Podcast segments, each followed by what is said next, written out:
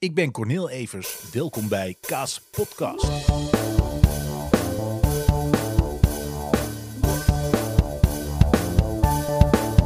Wat ik ga doen in deze podcast is elke week de week doornemen. En eh, dat doe ik door elke dag van de week een, een item op te nemen. Dat kan een item zijn uit het nieuws. Dat kan een, iets zijn dat mij op is gevallen. Dat kan klein nieuws zijn, groot nieuws, persoonlijk nieuws. eh, muziek die ik heb gehoord, een film die ik heb gezien. Eh, het, is in ieder geval hetgeen wat mij die dag het meest eh, bezig heeft gehouden. Of hetgeen waarvan ik denk dat ik er iets over te vertellen heb. Dus wat je nu hoort is eigenlijk een samenvatting. Nee, niet een samenvatting. Is een, een compilatie van de hele week. En ik begin op zondag. En wat er vandaag gebeurt, eh, gebeurde. Kijk, het is nu zondag. En ik lees net weer eh, berichten over dat er op het Museumplein en elders in Nederland is gedemonstreerd tegen de lockdown. Nou, dat is eh, niet alleen nieuws van vandaag, dat is iets dat me langer bezighoudt. Dus ik denk van ik gooi het er meteen maar uit. Ik word er heel erg moe van. Want eh, mijn probleem met die mensen is niet dat ze een andere mening hebben over bepaalde zaken. Want het is mooi dat we verschillende meningen hebben. dat je kan discussiëren met elkaar. Dat is natuurlijk hartstikke prettig. En we hoeven het ook echt niet over van alles eens te zijn. Maar het probleem in een pandemie is dat mensen die beweren dat onze vrijheden ons worden ontnomen, dat ze daar ook tegen strijden, zeggen: Mijn vrijheid wordt me ontnomen, wij zijn Nederland. Die mensen, die zelfs beweren dat wij in een dictatuur leven of, of richting een dictatuur gaan, dat er een hoger plan is om ons als makkerschapen eh, door ons leven te laten gaan, dat die mensen een groot deel van de oorzaak zijn dat al die andere mensen, een veel grotere groep, de meeste, die, heel, eh, die zich wel netjes aan de adviezen houden, of dat in ieder geval proberen, om zo snel mogelijk juist weer eh, in vrijheid te kunnen leven, dat die mensen door die kleinere groep schreeuwers gegijzeld wordt en veel langer en veel heftiger steeds meer in onvrijheid blijft leven. Kijk, en ik weet, en dat zul jij ook weten, dat is licht aan het eind van de tunnel. Weet je wel, we hebben een vaccin. Super tof. En, en, die, die wappies, die, die, die gaan dan ook weer tegen dat vaccin zijn. Want dan krijg je een chip geïmplanteerd, beweren ze. Hè, dat is een manier om ons weer onder controle. Weet je wat ze ook altijd dachten? Dat zijn die ehm, eh, vliegtuigsporen die je in de lucht ziet. Dat noemen zij gamtrails. En volgens hen zijn eh, gamtrails. Eh, dat is een stof die wordt losgelaten bewust uit vliegtuigen. Ehm, een stofje om eh, alle mensen mak te houden, zodat ze niet op zoek gaan naar de echte antwoorden en lekker blijven werken en in loondienst blijven en als een stel eh makke schapen door het leven trekken, precies zoals de Illuminati, de hogere onzichtbare macht, graag van ons wil. Nou vond ik het super grappig dat juist in de eerste lockdown, en dat zul je zelf ook gemerkt hebben, als je naar boven keek, waren er ineens geen vliegtuigstrepen meer, want er vlogen amper vliegtuigen.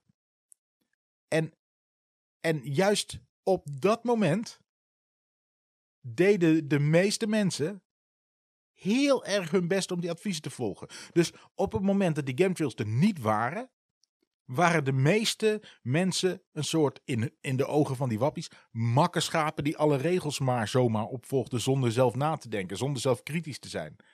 Waarmee, waarmee ze de hele theorie van die gamtrails dus zelf onderuit schoffelen. Want juist als ze er niet zijn, zijn wij met z'n allen, hè, goedwillende mensen, het meest mak. En zo gaat het eigenlijk met al die theorieën. En, en nog iets over Illuminati. Als er een hogere sturende macht is, die ons onder controle wil krijgen, die een hoger plan heeft, een evil, satanistisch plan met de wereld. Hoe, hoe amateuristisch ben je dan als je. Of, of, of moet het hun lol zijn, dat weet ik niet. Dat is me nooit uitgelegd, kan ook niemand nooit zeggen. Als je dan overal hints gaat strooien, alsof de wereld één grote escape room is. Dat je op het dollarbiljet, dat je daar een tekentje zet waar, waar dus een wappie van zegt. Daar zie je wel, kijk, daar staat het bewijs voor de Illuminati. Ze printen het zelfs op dollarbiljet. Waarom zou iemand die in het geheim, in het grootste geheim, de wereld wil overnemen, iets op een dollarbiljet gaan printen als hint? Dat als je maar genoeg bloot en in een burn-out zit en je kijkt heel veel YouTube, dan kun je er ineens achter komen. Hoe, hoezo? Hoezo? Dat is eigenlijk de, de, de, de main question. Hoezo? Hè? En op het moment dat jullie gelijk hebben, iemand vertelde me laatst, in 2030 komt dit plan helemaal van de grond uh, van de Bilderberg-clan die um, Prins Bernhard ooit is gestart vlak na de oorlog. In 2030 is dat dan zover. Ten eerste denk ik dan, waarom zou Prins Bernhard met al zijn maten een plan maken voor wat ze willen met de wereld? Wat, wat een soort ego-ding is, waar ze dus een plan over meerdere generaties die ze zelf niet meer gaan meemaken, want ze zijn inmiddels overleden. Daar zit totaal geen logica in. Ten tweede, stel dat je gelijk hebt. Stel dat je gelijk hebt, Wappie.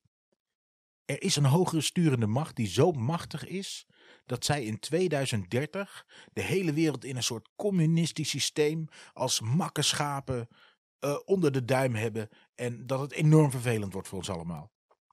Stel dat je gelijk hebt. Hoezo moet je dan boos op mij worden dat ik mijn kop in het zand steek? Hè? Ik ontken dat en ben in ieder geval tot 2030 gelukkig met wat ik heb, met wie ik lief heb, met wat ik doe. Gelukkig. En jij, wappie, jij valt tot en met 2030, tot blijkt dat het allemaal bullshit was, elke avond angstig, in slaap, boos, op de wereld die je niet begrijpt. Tot morgen. Zo, en dan is het ineens een maandag. Dus, uh, nou ja, ik, ik kan uh, kort zijn waar ik het vandaag over ga hebben. Ik, mijn dag begon met dat ik toch weer langs de school van mijn zoontjes moest. Om nieuw lesmateriaal op te halen. Want ik ben zoals heel veel uh, werkende mensen, ben ik ineens uh, meneer Corneel. Ben ik ineens uh, thuis lesgeven. Ja, wat ik daarvan vind, ik, ik moet zeggen, de eerste, uh, de eerste lockdown gingen we heel voortvarend van start. Er waren ook duidelijke lesschema's en we dachten, dit duurt maar even, we gaan het helemaal, gaan we het vol doen. En ik merk, en dat zullen wellicht meer mensen de, merken, of misschien ligt het mij, deze keer valt het wat zwaarder. Ik ik merk aan mijn kinderen niet eens dat ze mij niet aardig vinden of dat ik niet geduldig ben in het uitleggen van lesstof als ze een vraag hebben. Maar vooral thuis hoort het leuker te zijn dan op school. En dat is het hele probleem. En ik voel dat aan mezelf ook, dat ik dat stiekem ook vind. Weet je wel, ehm, school moet leuk genoeg zijn om naartoe te gaan. Hè, dat je zonder al te veel klagen en er niet verdrietig vandaan komt. Maar het leukste wat er is, is vakantie en dan ben je thuis. Thuis is het leuker dan op school. En het is voor uh, kinderen toch heel lastig om uh, thuis de concentratie op te brengen. Om, om te doen wat je normaal op school doet. En het is enorm lastig voor ze uh, dat, dat hun vriendjes er niet zijn. En, en vooral van mijn jongste. Kijk, mijn oudste die heeft vooral in de straat nog wel kinderen met wie hij kan spelen van zijn leeftijd. hij is ook negen jaar, hij mag ook alleen naar buiten. doe lekker je ding. En met die van zes ga ik ook wel eens een potje voetballen. Gaan we een wandelingetje maken. Hij komt wel buiten. Maar er zijn gewoon van zijn leeftijd. Wonen er ook vast kinderen in de buurt. Maar minder kinderen die uh, in een eentje gewoon lekker buiten kunnen spelen. Ik denk over een jaar of over twee jaar heeft hij vast ook een hele groep jongetjes van die leeftijd of meisjes. Uh, met wie die lekker naar buiten kan en ravotten. Maar dat is nu nog niet zo. En, laatst zei hij ook van. ik vind het heel jammer dat ik hier geen geen vrienden heb. En dat stemde mij zeer treurig. Dus ik, en, en nou hebben mijn kinderen nog goed. Hè? Ik bedoel, ze hebben thuis, uh, denk ik, dat gaan we later meemaken, maar niks te klagen. Uh, maar er zijn ook een hoop kinderen die minder geluk hebben. En, en voor hen is deze periode echt heel zwaar. En, en ik snap dat mensen thuis moeten werken en, en dat dit dan wellicht een drukmiddel is. Maar weet je, het, dat ik, ik, ik laat ik zo zeggen, wij hebben afgesproken thuis, ik en mijn vrouw, wat uh, ze ook adviseren. Wij gaan ons daaraan proberen te houden. Meer kunnen we niet doen. Laten we gewoon die, die regels pakken en daar gaan we ons proberen te houden. Dus je mag twee mensen op visite hebben. Uh, dat, dat doen we ook af en toe niet te veel. Ik bedoel, je moet ook zelf een klein beetje nadenken. Niet te veel, maar het mag. Uh, dus daar gaan we ook niet krampachtig in doen. En ja, als ze niet naar school mogen, dan mogen ze niet naar school. Dan moeten wij het oplossen je krijgt zelf heel weinig gedaan. Maar goed, het is niet anders. Um, Maar als het doel is uh, mensen thuis houden, zou ik toch. Ja, het, het wringt een beetje. Het duurt toch zo lang je gaat nadenken. Je gaat nadenken. Het wringt een beetje. Weet je, zorg dan dat werkgevers hun mensen thuis moeten houden. En, en hetzelfde heb ik ook. Ze praten weer over de avondklok. Uh, weet je, als die er komt, laat ik daarmee beginnen. Als de avondklok komt, dan ga ik me daaraan houden. Als, als ik vanaf 8 uur niet meer de straat op mag, ga ik na achter niet meer de straat op.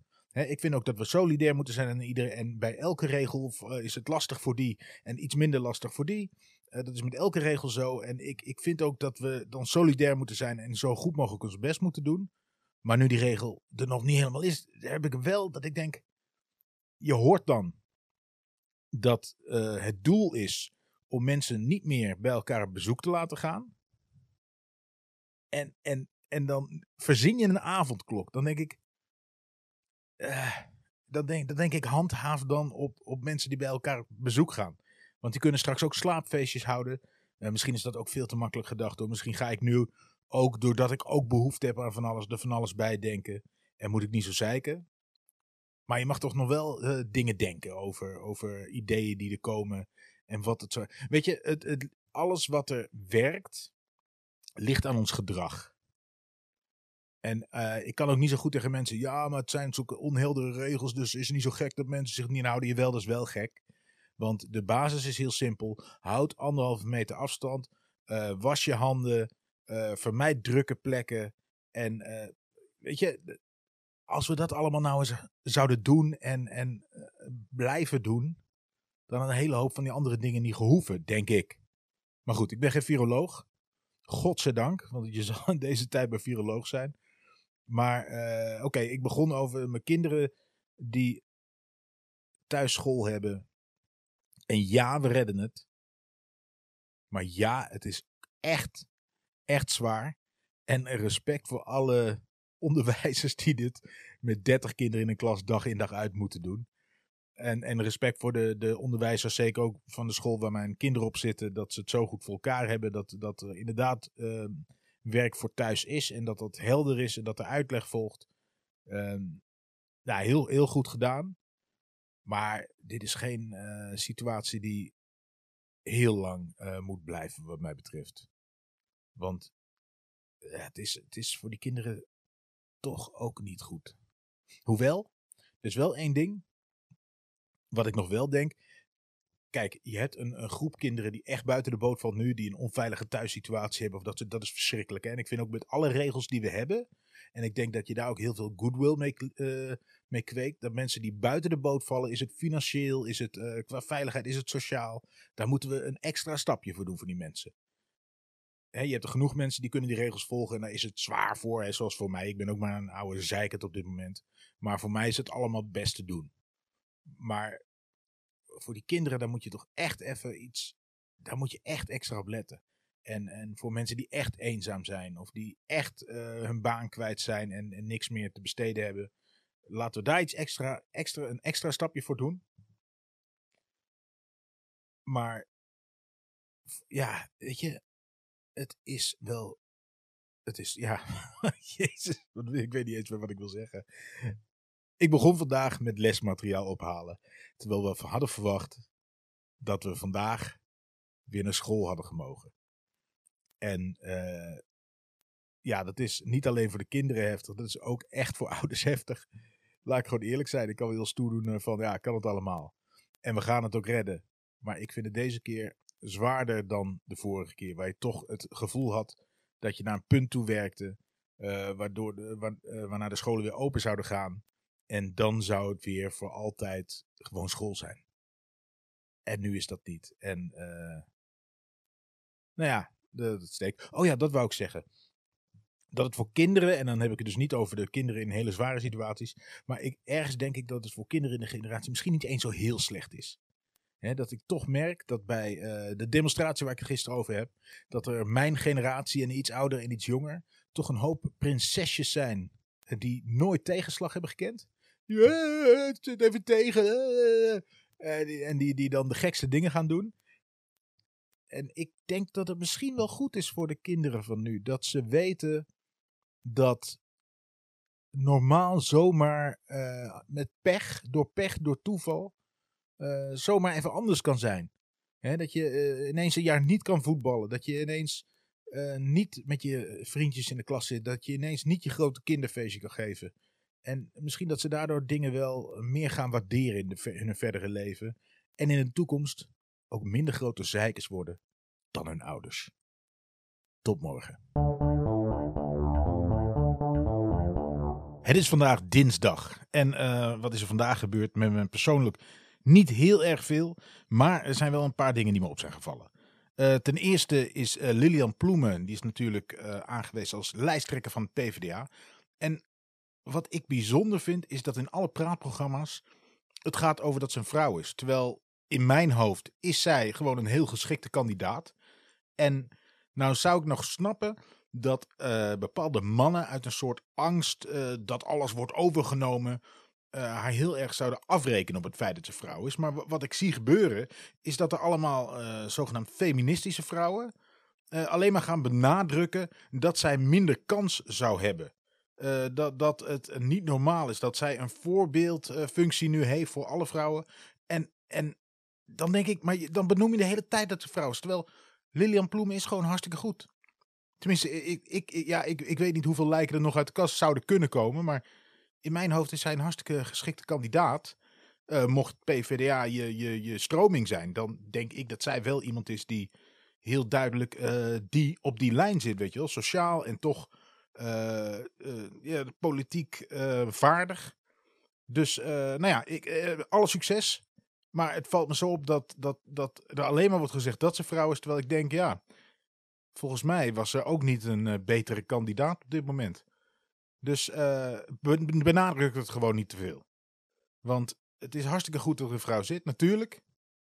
Maar we moeten ook niet doen alsof er nergens vrouwen zitten. Ik bedoel, een van de grootste leiders op dit moment in de westerse wereld is uh, Angela Merkel. En die gaat ook hartstikke goed. He, hebben we het ook niet over dat de vrouw is de hele tijd. Dus uh, hup Lilian, succes. Ik hoop dat het goed gaat voor je. En we gaan het meemaken. Ik ben benieuwd naar de campagne. Dat gezegd hebbende, is er ook vandaag naar buiten gelekt dat er morgen waarschijnlijk wordt gezegd dat er een avondklok gaat komen. Nogmaals, ik ga me eraan houden als die er is. Zo simpel is het. Dat hebben mevrouw en ik met elkaar afgesproken. Wij gaan gewoon de, de adviezen volgen die er zijn. En uh, veel meer kunnen we niet doen. Maar je mag natuurlijk van tevoren wel zeggen hè, of het je een goed idee lijkt. En, en nou heb je een soort, altijd op Twitter heb je altijd van die kampen. En je hebt mensen die zeggen van ja, het lijkt me geen goed idee. Dan heb je ook mensen die zeggen, die zeikert, wat moeten ze nou, luxe positie, geen goed idee, dan missen we een ommetje. Ja, ik mis ook dan mijn ommetje.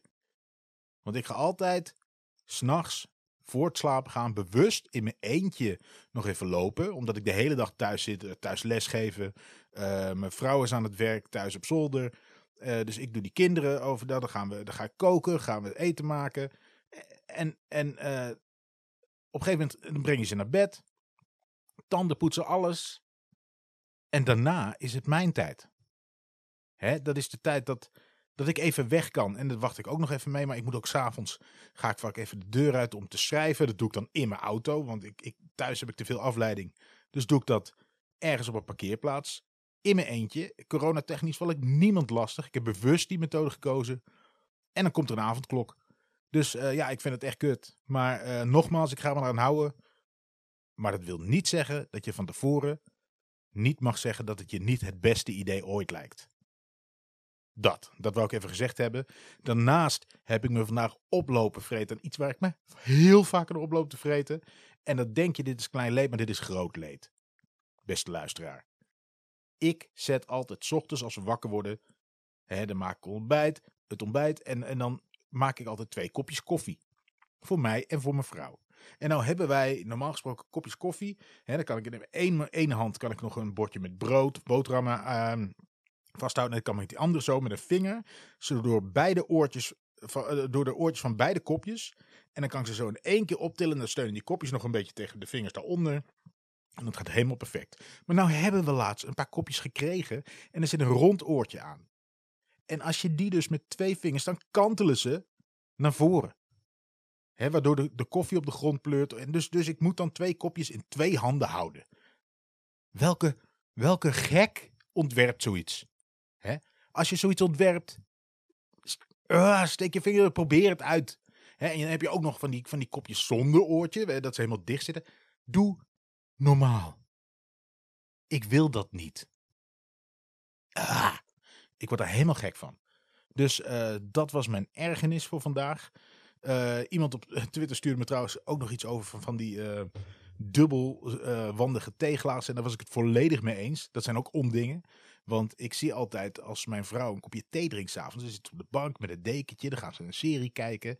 En, en, dan, en dan warmt ze haar handen aan het theeglas. Nou, met zo'n theeglas kan dat dus niet dus die mindfuck begint daar al. Daarnaast zit er veel minder in dan je denkt te kunnen inschenken. Want de binnenzijde is veel kleiner dan het, het glas doet vermoeden. Daarnaast zijn ze fucking breekbaar. Doe normaal. Niemand wil ze. Het is een leuk idee. Het is een beetje wat je vroeger bij de expo kocht. je had een cadeautje voor iemand nodig. Je denkt, deze prul is in ieder geval iets wat ze waarschijnlijk nog niet hebben. En, en daar was een reden voor dat ze dat nog niet hadden. Niemand wil dat. Sodemiet erop met die dingen. Heerlijk zeg, dat lucht op. Oh, ik had vandaag trouwens ook nog een heel goed idee. En uh, dat is een idee dat ik heb samen met Horace Cohen, mijn goede vriend. Uh, daar kom ik later op terug. En wellicht wel deze week, want ik ga hem donderdag uh, ga ik hem bellen. Dus ehm, nou, wellicht dat ik hem donderdag wel ga bellen terwijl ik met jullie aan het kletsen ben. Zou zomaar kunnen. Maar ja, dat was een beetje de dag van vandaag. Frustratie om niks. En, en natuurlijk het vooruitzicht naar die avondklok. Vind ik wel uh, gedoe. Oh, ik heb vandaag ook nog met mijn uh, kinderen. Uh, na schooltijd hebben we Home Alone 2 gekeken. Jezus, wat is dat leuk, hè? En wat ik heel grappig vond, is dat mijn zoontje van negen. Die zei op een gegeven moment: komt Kevin, die komt in dat hotel in New York. Komt hij aan. Ehm, zijn ouders zijn in Florida. En hij is weer alleen. En hij komt in het hotel aan en wie staat daar? Donald Trump. En dan was dat natuurlijk laatst in het nieuws geweest. Dus ik, uh, dat, dat de makers van de film Donald Trump eruit willen snijden. Omdat hij een totale mafkees is. Want dat is hij, dames en heren. Ik weet niet wie er allemaal luisteren. Maar dit is mijn mening over Donald Trump. Een totale enge mafkees. En, uh, maar zij wilden, die makers wilden dus uit, uh, die wilden dat shot uit de film hebben. Omdat, nou ja, het voegt natuurlijk ook niet heel veel toe. Het is een grappige cameo. En, uh, maar wat ik leuk vond, is dat mijn zoontje van negen, die, die zei van, hé, hey, dat is, die zei, hey, Donald Trump. En hij is veel jonger, dus ik vond het eigenlijk wel, wel knap van hem dat hij dat toch herkent. En toen was er een kleine discussie tussen mijn kinderen waarom Donald Trump in zo'n leuke film zit. Want ja, ik leer mijn kinderen ook dat Donald Trump een gevaarlijke engnek is. Ha! Want dat mag ik als vader. gewoon even benoemen wat goed en kwaad is. Dus uh, ja, dat, dat doe ik dan gewoon als we er vragen over hebben. En uh, dat is helemaal oké, denk ik. Ik denk dat iemand die heel erg fan van Trump is, ook tegen zijn kinderen zal zeggen dat Trump een hartstikke toffe gast is. En dat die, uh, die zal ook meekrijgen dat die, dat papa, die kinderen zullen ook meekrijgen dat papa niet blij is dat Biden heeft gewonnen. Nou, ik ben niet per se blij dat Biden heeft gewonnen. Ik was vooral heel erg blij dat Trump niet heeft gewonnen. En dat krijgen we deze week natuurlijk ook nog. Jeetje. Het is een leuke week om te beginnen, merk ik. Maar goed, ik uh, ben even uitgepraat. Tot morgen. Het is woensdag. Happy Bye Bye Trump Day. Hij is weg, dames en heren. Officieel, officieel is hij weg. Uh, dat is natuurlijk vandaag. We hebben vandaag uh, twee dingen gehad. De persconferentie en uh, Joe Biden die de nieuwe president van de Verenigde Staten is. Over dat laatste ga ik heel kort zijn. Um, ja, goed dat hij weg is. Daar komt het op neer. Goed dat hij weg is. Ik, um, er wordt mij van alles voorspeld, door mensen die uh, meer pro-Trump waren. Dat er van alles nog gaat gebeuren. En dat hij eigenlijk toch de verkiezingen had gewonnen. Heeft hij niet. Hè? Laten we nu gewoon heeft hij niet. Weet je wel, gras is groen en niet blauw. Daar komt het op neer. De aarde is rond en niet plat. Joe Biden is nu daar de president en Trump niet meer. Hij is het geweest. Dat is al raar genoeg. En nu is Joe Biden het. Dus uh, ja, helemaal top. Het is wat dat betreft een goede dag. De persconferentie daarentegen was een beetje raar. Het was een beetje raar. Ik weet dat jullie dit pas luisteren nadat ook de Tweede Kamer heeft overlegd. Want omdat het kabinet nu demissionair is, uh, mogen Mark Rutte en Hugo de Jonge, die mogen niet meer uh, zeggen van en dit gaat er nu gebeuren. Dat is niet meer aan het kabinet, het moet nu via de Kamer, omdat zij demissionair zijn, mogen ze dat soort zaken niet bepalen. En ik ben benieuwd. Uh, ja, ze willen dus vanaf komend weekend dat we vanaf half negen niet meer s'avonds de straat op gaan. Uh, behalve bepaalde uitzonderingen. Uh, ze willen ook dat er nog maar per dag één iemand op bezoek mag komen. Behalve als je bijvoorbeeld mantelzorger bent. Ja, wat vind ik ervan? Ik, uh, weet je, je zag het aankomen. Je kijkt toch elke keer zo'n persconferentie. En ik weet niet of het bewust is, ik denk het wel. Maar er wordt altijd al gelekt. Dus eigenlijk, wat we kregen was een half uurtje. Hè? We dachten acht uur en nu zeggen ze half negen. We kregen een half uurtje.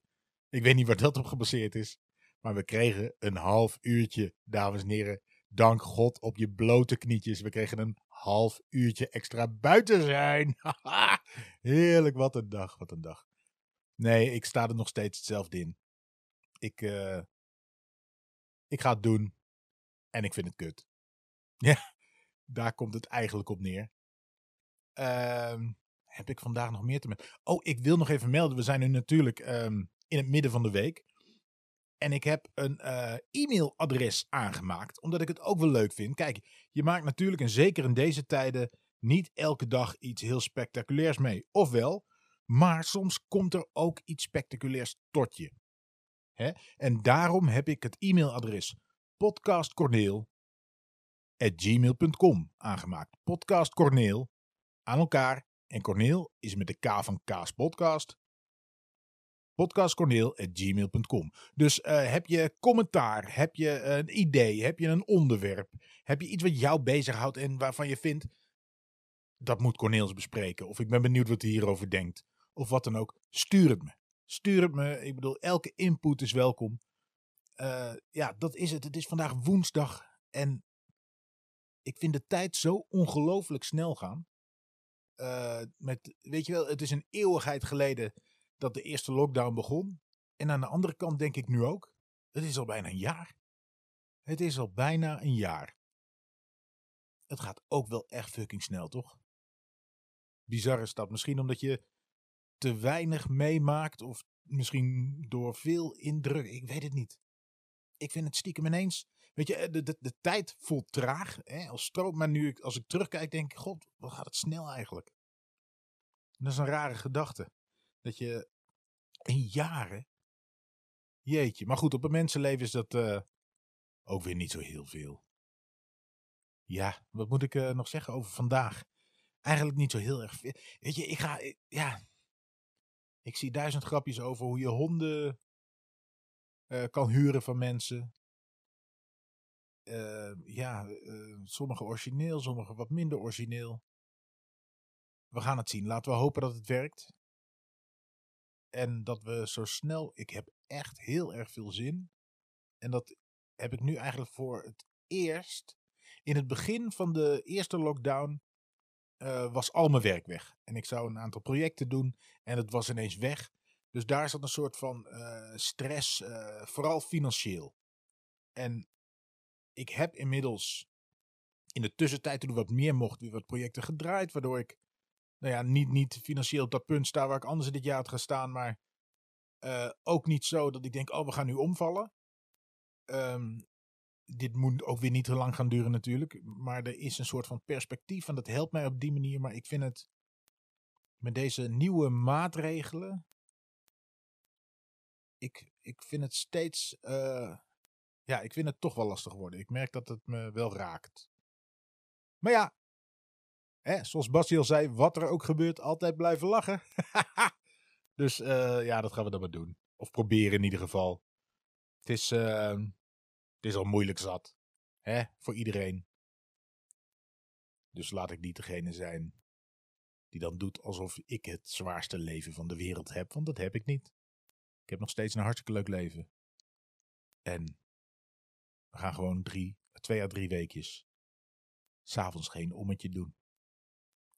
Dat is het. Dus voor nu zou ik zeggen, tot morgen. Ja, en het is alweer donderdag. Heerlijk, wat heb ik vandaag gedaan? Uh, ik moet één ding rechtzetten. Ik heb gisteren heel stellig beweerd dat een uh, demissionair kabinet geen uh, beslissingen mag nemen. Nou hoor ik nu weer van allerlei kanten dat het in principe wel zou mogen, maar dat ze bewust eerst naar de Tweede Kamer zijn gegaan. Dat het ofwel tactiek ofwel zo netjes was. het kan allemaal zijn. Het is leuk aan een podcast dat je elke dag iets opneemt. Dan kun je gewoon zeggen, ja, misschien heb ik het verkeerd. Dus ja, sorry, my bad. Uh, misschien heb ik het ook wel goed. Zou ook nog kunnen. Maar ik begreep nu ineens weer iets anders dan gisteren. En ik bracht het nogal stellig. Dus het maakt er niet uit. Maakt het uit. Wat wel uitmaakt is dat wij weer een half uurtje hebben gewonnen. Dus eerst was het acht uur avondklok, toen half negen. Nu wordt het negen uur, jongens. Wat moet je in die tijd allemaal wel niet doen? Heerlijk. Hè? Wat maakt het ook uit? We gaan er ons aan houden en we balen ervan. Wat ik vandaag heb gedaan. Ik ga jullie meenemen naar een hele poos terug. Toen uh, had je het programma Mag ik u kussen? Dat was een Belgisch programma waar drie comedians een bekende vrouw het hof moesten maken middels uh, grappen. Dat was het eigenlijk. Daar kwam ook een Nederlandse variant van. En daar heb ik uh, meegedaan aan dat programma. En de eindredacteur van dat programma was Jan de Graaf. En Jan de Graaf is een, een meneer die woont in Utrecht. Een hele goede eindredacteur. Bij dat programma kon ik het erg goed mee vinden. Een onderdeel van het programma was dat je een gedicht uh, moest brengen. Een ode aan de vrouw die daar zat. En dat was wel een onderdeel waar ik altijd vrij makkelijk mee uit de voeten kon. Toen kwam een paar jaar later, uh, stond FC Utrecht ineens in de finale tegen Feyenoord Rotterdam. En ze hadden op Radio 1, had Ronald Gippert een item, Jan de Graaf als eindredacteur. En ze hadden het idee dat ze een poetry battle wilden. Een soort positieve supporters uh, fitty tussen een Feyenoorder en een FC Utrecht supporter. Nou, Jan de Graaf die denkt, ik ken een Feyenoorder, dat is namelijk Peter Knipmeijer, dat is een dichter, uh, een Feyenoorder. En toen dacht hij, Cornel Evers. En hij wist dat ik uh, FC Utrecht supporter was en nogal fanatiek. Dus hij belde mij, hij zegt van, vind je dat wat? Het is een, een poetry battle tegen een dichter. Um, ik weet dat jij makkelijk met woorden bent. Het idee is dat je een ode aan je eigen stad brengt. Dan brengt hij een ode aan zijn eigen stad of club. Dan, en daarna is het over en weer korte gedichtjes waarmee je de ander eigenlijk... Het is een soort rap battle, maar dan poetry battle. He, je, je, je zeikt de ander af met grappen. Ik, uh, ik dacht, nou ja, dat lijkt me leuk. Een klein beetje overmoedig. Maar wat gebeurde er nou die dag? Ik won en het werd en er, werd, er was ook een filmpje van gemaakt en dat werd enorm veel gedeeld. Dus uh, nou ja, ineens was ik dus daar die dichter die dat had gedaan. En mensen herkenden mij daarvan. En wie ook had gekeken was um, René van den Berg. Een presentator bij RTV Utrecht. Hij doet altijd live verslag van alle wedstrijden uit en thuis uh, in Europa of in Nederland van FC Utrecht. Uh, hij, hij doet het fantastisch, omdat hij natuurlijk ook gewoon supporter is van de club. En hij doet het bij RTV Utrecht. Dus hij mag ook gewoon keihard juichen als Utrecht scoort. Dus dat is heerlijk om te luisteren. Uh, en, en die had dat item ook gezien. En blijkbaar opgeslagen. Want een paar jaar later weer werd ik uh, door Koert Westerman, met wie ik op dat moment in een theatertour zat. Dat heette FC de Rebellen met uh, voetballers met een krasje. Dat was uh, Glenn Helder, John de Wolf, Sjaak Polak, Ricky van den Berg die van de Meiden. Dat, die, spelers. En, en nog meer, die, die, daar hadden we een theatervoorstelling mee. En Koert presenteerde die en ik deed daar af en toe wat comedy bij. Of ik bracht een ode aan de rebellen. En ik zong een lied. Uh, ik kende Koert, daar, daar, trok ik veel mee op. En die kwam op een gegeven moment, zei hij tegen mij, mag ik van jou, mag ik jouw nummer aan René van den Berg doorgeven? Want die vroeg naar je iets voor RTV Utrecht. Ik zeg, ja, natuurlijk mag dat. Dus ik was benieuwd. En René van den Berg zei: We mogen op, FC, op RTV Utrecht een nieuw programma maken over FC Utrecht. Het heet een bergsport. En we mogen een pilot maken. En ik zou graag willen dat jij in die pilot een ode brengt aan iets wat er die week met FC Utrecht gebeurt. Nou, ik, ik zei uiteraard meteen ja. En uh, nou ja, lang verhaal kort. Die, die pilot werd goedgekeurd. En daarna vroeg René van den Berg, maar zou je dat niet wekelijks willen doen? Dus ik zit al eh, vier seizoenen achter elkaar ook aan tafel daar. Ik spreek alle spelers, uh, oudspelers, alles rondom de club. En het, het is een fantastische eer om daar te zitten. En ja, echt, echt tof hoe zoiets kan lopen. Maar vandaag dus heb ik weer een ode opgenomen. Normaal is het op vrijdag in, het, uh, in de uitzending. Maar nu, wegens corona, kan ik niet uh, bij de uitzending bijzitten. Want ik zit altijd aan. Uh, je hebt Gert Kruis, analist, oud voetballer, trainer.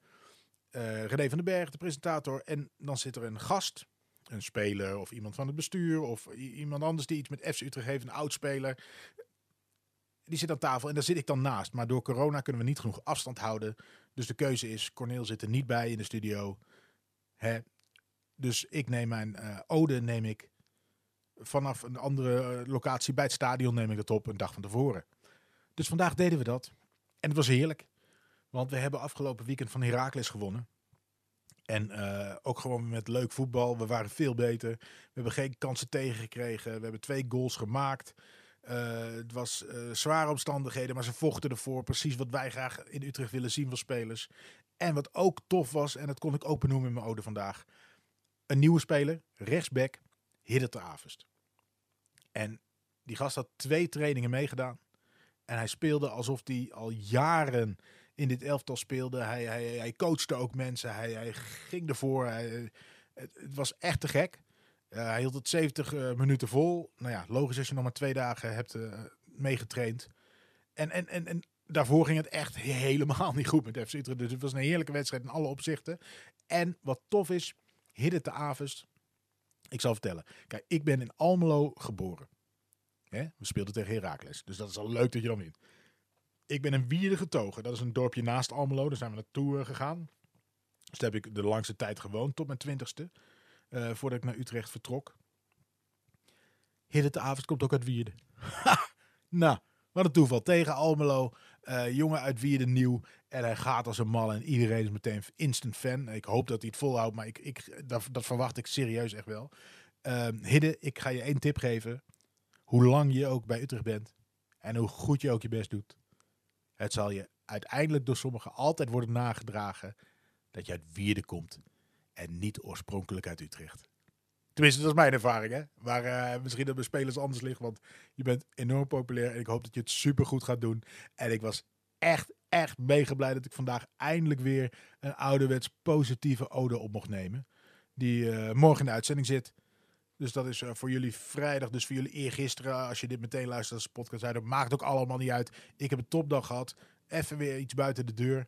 Uh, dat is altijd wel een lekker momentje elke week. Ook al is het nu niet in de studio, maar is het bij het stadion. Hè, zie ik die heilige tempel ook af en toe nog eens. Ja, het was wat dat betreft een hele fijne week. Dus ik zou zeggen, tot morgen. En het is vrijdag. zijn we weer. Ik, uh, wat heb ik vandaag meegemaakt? Eigenlijk ga ik het hebben over iets wat ik nog niet heb meegemaakt, maar iets wat ik nu zo ga doen. En uh, wat is het dan precies? Nou, ik ga straks uh, naar Deventer, want daar hebben we een studio met mijn band The Guides. Ik zing en ik speel gitaar in die band. Zoek het op op Spotify als je het leuk vindt.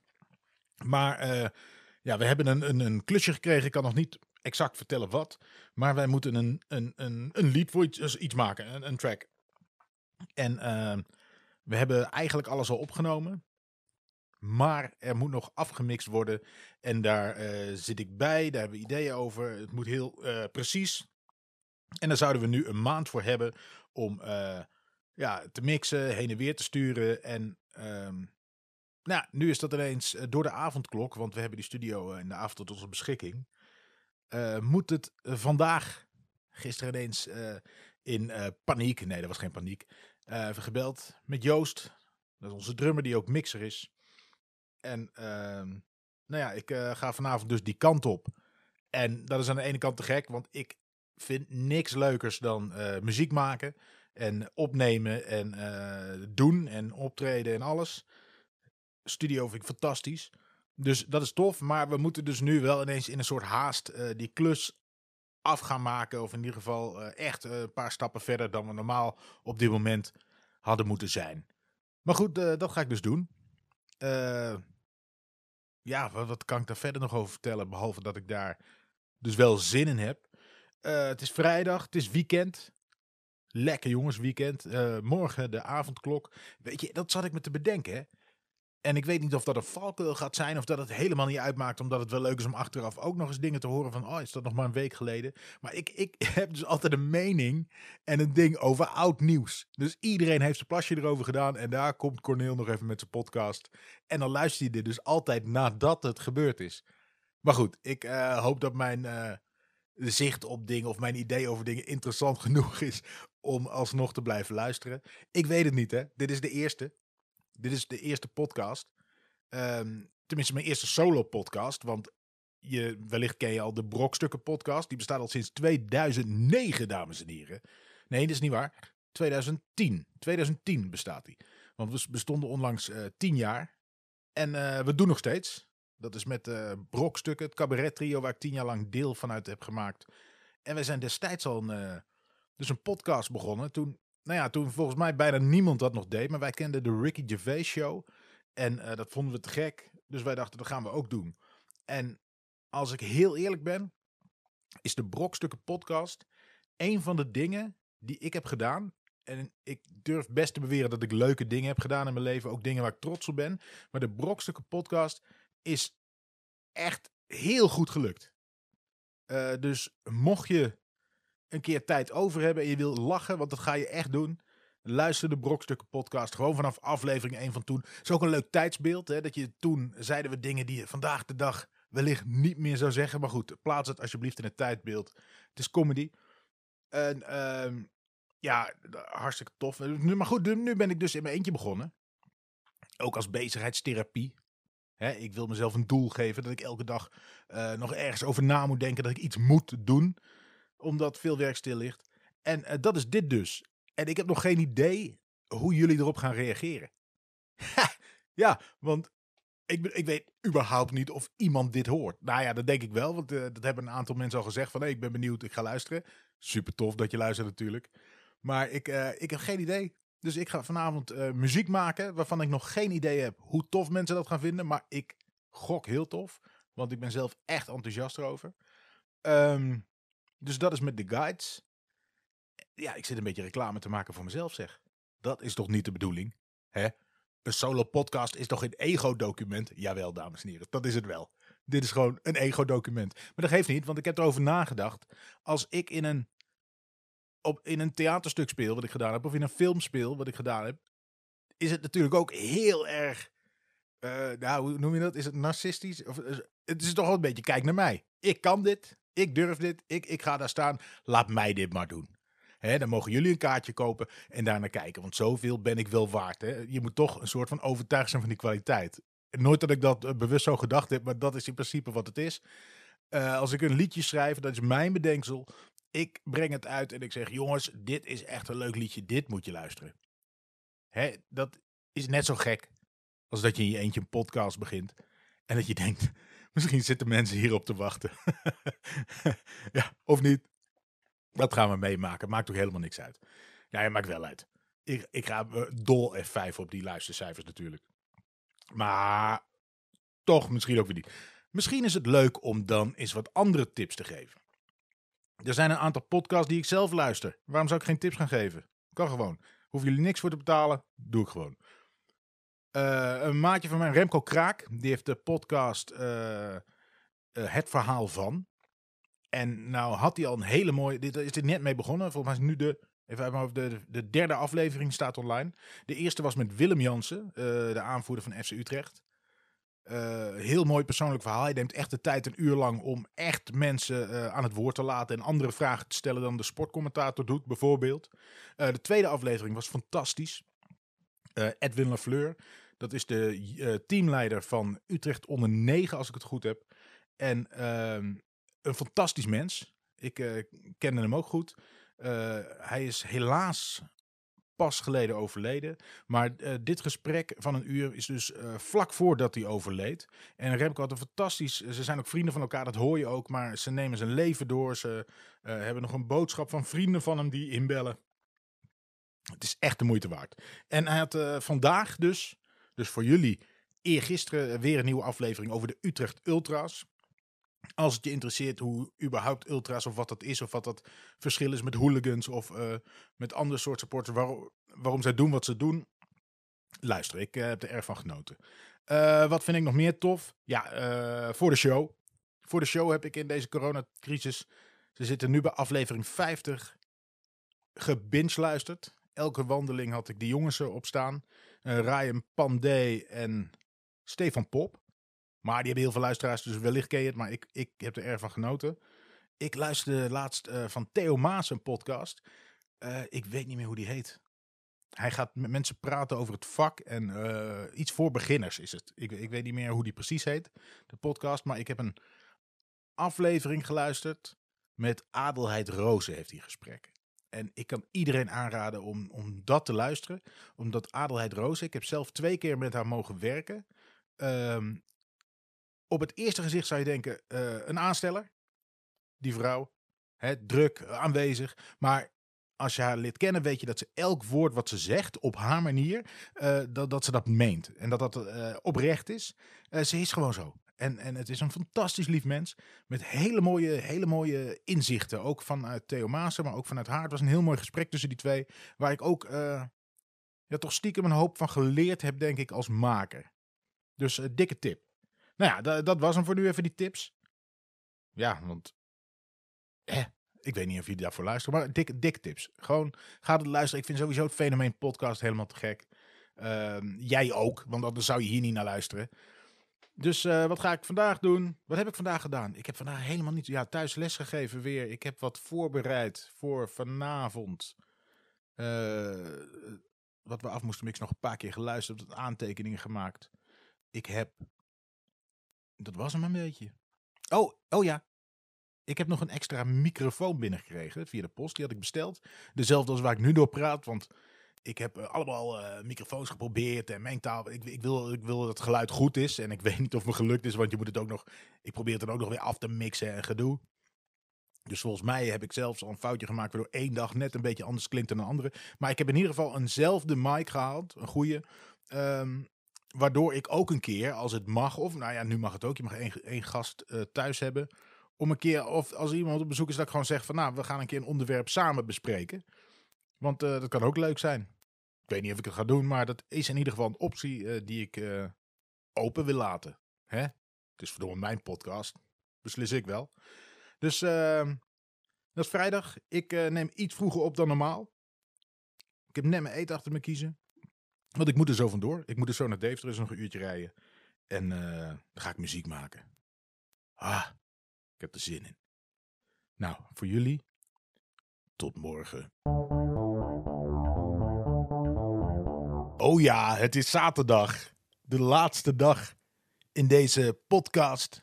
Want ik ga morgen online zetten. Heerlijk zeg. Gewoon uh, de eerste podcast. Je hebt een eerste idee. En het is gewoon gelukt. Ik heb zeven dagen op een rij een podcast uh, item opgenomen. Precies zoals ik bedacht had. hey, um, het is vandaag zaterdag. Wat heb ik vandaag gedaan? Nou, dat kan ik je vertellen. Ik heb vanmorgen uh, een beetje gewerkt, want dat doe ik normaal s'avonds. En uh, we mogen straks niet meer naar buiten. Dus, want ik neem dit net op voor 9 uur. Dus ik mag straks niet meer naar buiten. Dus heb ik dat in de ochtend gedaan. beviel dat? Het ging. Het ging. Is het ideaal? Nee, zeker niet. Maar goed, eh, we doen het ermee. Dus dat heb ik gedaan. Eh, daarna heb ik op zolder wat oude dozen waar spullen in zaten die ik wil bewaren. Die heb ik nog eens nageplozen en ik heb van drie dozen één doos gemaakt van dingen die ik echt wil bewaren. Hè, dat doe je soms. Dan pak je van die dozen die je eigenlijk al tijdenlang uh, niet meer open hebt gemaakt. Ik denk dat we acht jaar geleden zijn verhuisd naar waar we nu wonen. En die doos was nog niet geopend. En ik had ook opgeschreven dingen die ik wil bewaren. Dus dan weet ik wat voor soort dingen dat zijn. En ik keek er nog eens uh, doorheen. En het is, ja, ik weet niet. Je denkt, ik ga dat even doen. Ik ben over een uh, half uurtje ben ik van de zolder weer beneden. Maar uh, dat neemt bij mij gewoon een hele middag in beslag. Want het zijn allemaal oude herinneringen in een doos. En het waren leuke herinneringen. Zo kwam ik erachter dat ik nog een poster had van de eerste schoolmusical waar ik aan mee heb gedaan. Dat was uh, de musical Stille Man, heette die. We hadden een docent Nederlands, Fons Old heette, heette die. En die schreef zelf ehm, een toneelstuk met, en daar kwam er muziek bij. Dus het werd een musical. Hartstikke tof. daar wilde je echt bij zijn bij die groep. Tenminste, sommige mensen hadden ook weer een hekel aan die groep mensen die dat deden. Maar ja, ik was een van die mensen die er echt graag bij wilden zijn. Want ik wist ook in die tijd, jaren negentig, dat dat betekende dat vrijdag na het repeteren, dat je daarna gewoon bier ging drinken in een muzieklokaal. Dat de laatste paar weekenden ging je in het weekend ook repeteren. Dan ging je met z'n allen bier drinken in een muzieklokaal. En daarna naar een pizzeria en daarna door naar de kroeg. Uh, ook na de voorstellingen zat je de hele nacht in de tapperij in Almelo was dat. Want ik zat op het PS10 College in Almelo. Dat waren echt uh, fantastische tijden met hele leuke mensen. En ik moet ook zeggen dat ik daar... Um, ik speelde vlak voordat ik aan de musical meedeed in mijn eerste bandje. Ik had namelijk, ik heb altijd accordeonles gehad als kind. En op een gegeven moment wist ik, ja, ik, ik hou gewoon heel erg van Guns N' Roses. Ik hou van gitaarmuziek, dat is mijn ding. En accordeon, ik bedoel, ik vind alles leuk om muziek op te maken. Dus ook accordeon. Maar ik had wel behoefte om mijn eigen muziek te gaan maken. He, muziek die ik zelf tof vond, om dat mee te spelen met platen. En met accordeon ging dat gewoon, ja, kon je het melodietje meespelen. En ook met de bassen erbij. Maar je kon niet datzelfde gevoel krijgen. Dus ik had in Wierden, waar ik woonde, uh, had je Power. Dat was een witgoedzaak met een muziekafdeling. En daar in het raam stond altijd een basgitaar. Het was een eikenhout, geelkleurige Westone basgitaar.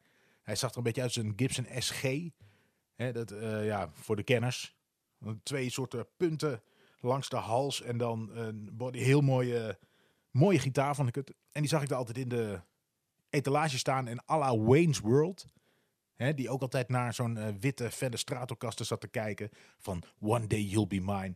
Zo stond ik dag aan dag, na dag na dag, stond ik voor het raam. Uh, ik, ik, ik, ging, ik stopte daar altijd even om te kijken van, die is al van mij, ik moet hem alleen nog kopen. En uh, op een dag heb ik dat gedaan. Want ik zei tegen mijn moeder, ik wil eigenlijk basgitaar spelen. Toen zei mijn moeder, ja, dat, is goed. Maar ik weet niet hoeveel je, al, hoeveel je al met je krantenwijk hebt gespaard. Maar ja, als je wil, moet je hem toch zelf betalen. En toen kwam zij met het voorstel, je hebt een uh, windsurfplank. Vond ik hartstikke tof toen. Ze zeggen van, ja, die kan je verkopen. Als jij heel graag basgitaar wil, dan kun je die keuze maken. Nou, die keuze heb ik gemaakt. Eigenlijk vrij snel. En het was de beste keuze ooit, want ik uh, kocht de basgitaar. Ik liep naar binnen. Ik uh, een klein versterkertje erbij, beginnersversterkertje. En wat bleek nou, de, de, liep daar een jonge stage in die, uh, in die winkel. En die wilde een bandje beginnen. En die had nog geen bassist. Dus twee weken later belde hij mij, want hij kon via via, ik bedoel in Wierden kennen veel mensen elkaar. Of via Nick Leeuw, dat is ook een jongen die daar werkte, die mij dan weer kende. Uh, belde hij mij op. Hij zei van, ik heb gezien dat je een basgitaar hebt gekocht. Wil je een bandje beginnen? Ik zo, ja. Maar ik kon nog niet zo heel veel. En, uh, maar goed, ik, ik kende drie nummers van Nirvana net in die twee weken of zo. Ik ging Nevermind meespelen, weet je wel. En nou, toevallig kende hij die ook. En hij had een drummer en die kende die ook. En zo begonnen wij een bandje. Daar hebben we later nog een gitarist bij gevraagd. En, en we werden steeds beter, steeds beter. Maar we hadden geen zanger. Maar we hadden wel een optreden. En ik had. Uh, Oké, en dan kom ik weer terug bij de schoolmusical. Bij de schoolmusical wilde ik in de band basgitaar spelen. Maar mijn muziekleraar, Victor Pirenne, de beste leraar op aarde, um, die, die zei tegen mij: Ja, maar we hebben al een jongen die speelt hier al een paar jaar basgitaar, is hartstikke goed. jij bent net begonnen, je, je, je kan het. Hè? Maar je bent net begonnen en hij doet het altijd al. Dus dat hebben we al. Maar als je mee wil doen, uh, we zoeken wel altijd nog uh, mannen, jongens, die ook willen zingen. Hè, die ook een, een, rol hebben waarbij je gaat zingen. Ik, ja, we, Jezus, ik, ik heb nog nooit gezongen. Dus ik, ehm, ik zeg van ja, ik ga het doen. Want ik wilde gewoon meedoen. Hè. Ik wist als ik ga zingen en ze zien dat ik graag mee wil doen, dan krijg ik vast anders, een ander klein rolletje. Of ik mag in het koor. Of weet je, er is vast ik, ik wil gewoon daarbij zijn. Ik wil er gewoon bij zijn. Dat was mijn hele intentie. Nou, dus ik ga, ik moest uh, van de Rolling Stones Under My Thumb zingen. En er waren nog wat uh, meisjes die moesten Black Velvet volgens mij zingen als auditie. En de jongens moesten Under My Thumb. En, nou ja, al die mensen waren heel zenuwachtig. En ik niet, want ik dacht, ja, ik ga het zingen. Maar no way dat ik een van die hoofdrollen krijg natuurlijk. Want ik heb nog nooit gezongen. En eh, toen kwamen ze na de tijd, hadden Victor Pirenne en uh, Fons Oltijd die dat overlegd. En toen kwamen ze buiten en zeiden, ja, ehm, de grote rollen gaan naar Cordeel. Ik zei, wat, wat, wat? en blijkbaar had ik het goed genoeg gedaan. En dat was mijn eerste echte ervaring op een toneel. Ja, waar ik daarvoor alleen maar dacht van, ik wil muziek maken. Dacht ik toen ineens, holy shit, dit is ook leuk. Dit is ook een manier om op het toneel te staan. Ja, het is een gek verlangen misschien, maar ik ik, vind, ik heb het altijd lekker gevonden of zo. Ik wilde het altijd toch ergens. Uh, ik vond het een fijne plek om dingen te doen waar mensen naar keken of zo. Heel raar. Of niet, want die mensen moeten er ook zijn. Daar was ik er een van. En, uh, nou ja, en, en toen kwam dus weer terug naar mijn band. Toen kwam ik dus. Was er een liedje wat uh, de gitarist kon spelen. Die kon ik niet spelen, maar ik wist wel de tekst. Dus toen pakte ik een microfoon. Zo van, nou, ik zing het wel even. En de drummer kon hem drummen. En toen belde die gitarist Willem Wilman. Die belde mij. Hij zegt van, de broer van de drummer, die kan ook basgitaar spelen. Die gaat het optreden bas spelen.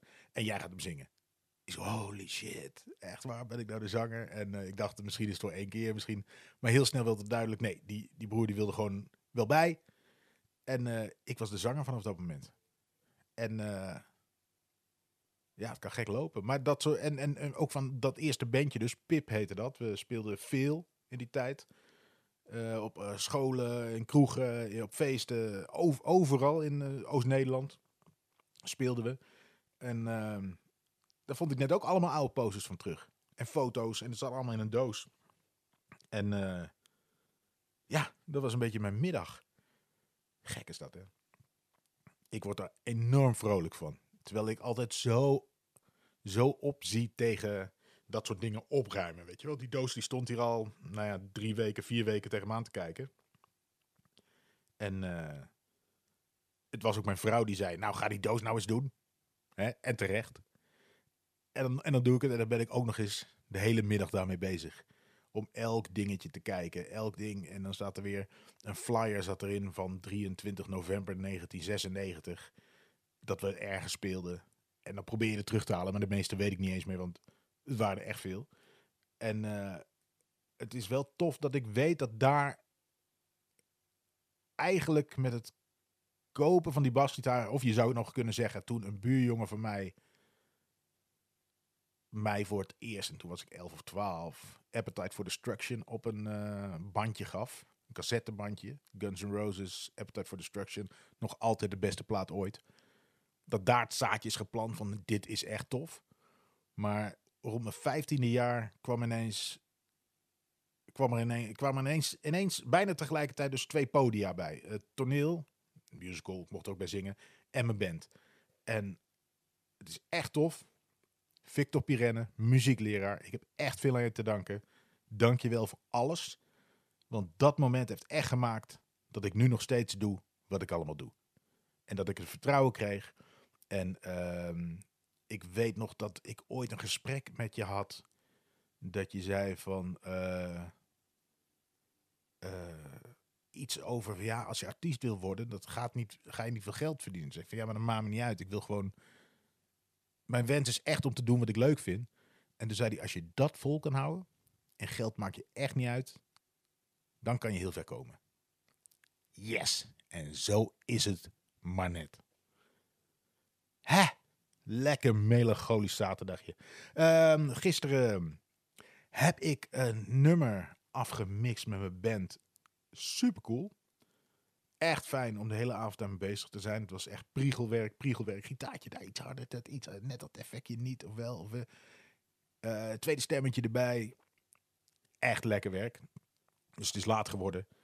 Uh, maar meer dan waard. Mooie laatste avond dat we wel naar buiten mochten. En uh, daardoor heb ik de finale van de slimste mens gemist. Vond ik jammer, want ik volg het echt elke, elke dag. ik heb het net gezien. En ja, Rob van de Snollebolletjes. Nou ja, uh, prima winnaar, denk ik. Prima winnaar. Het was een leuke finale. Ik vond het ook een leuke, leuk seizoen. Ik moet wel zeggen dat de mensen in de finale week, die waren ook echt allemaal uh, echt een goed niveau. En daarbuiten waren er heel veel van echt een minder niveau. Maar daardoor was de finale week vooral erg leuk. Erg leuk. Ik heb ook gehoord dat veel mensen zich geërgerd hebben aan Tel Beckhand. Ik persoonlijk niet. Ik, uh, ik heb er ermee vermaakt. Ik uh, snap wat hij doet. En volgens mij heeft hij ook lekker scheid aan iedereen die er wat van vindt. En hij is vierde geworden, net als ik ooit ben geworden. Dus, uh, hoe zeg je dat? Props naar Tijlbekant. Hè? Laten we niet allemaal mensen af gaan zeiken die op tv komen. Want die mensen die durven daar wel te gaan zitten. Die nemen het risico om totaal nat te gaan. En ja, wel een beetje makkelijk om dat af te zeiken. Ik heb van je genoten, vriend. Dus uh, dit was hem dan. Dit was de eerste podcast. Uh, echt heel, ik zou het echt heel tof vinden als je wat vindt, als je het leuk vindt, als je het stom vindt, als je ideeën hebt, als je kritiek hebt, als je onderwerpen hebt waar je wil dat ik het over heb. Uh, stuur die alsjeblieft naar podcastcorneel.gmail.com. Dan kan ik dat volgende week ook weer lekker meenemen. Want ja, ook zeker met zo'n avondklok gaat er natuurlijk elke dag nog weer minder gebeuren. Dus ik vind het heel leuk om een soort uh, met jullie in contact te zijn met mijn luisteraars. Ik hoop dat jullie er zijn. En ik hoop dat jullie naar aanleiding van deze eerste denken. Die tweede volgende week ga ik ook gewoon luisteren. Ik zou zeggen, wel te rusten. En deze ene keer zeg ik, tot volgende week. Doei. Bye.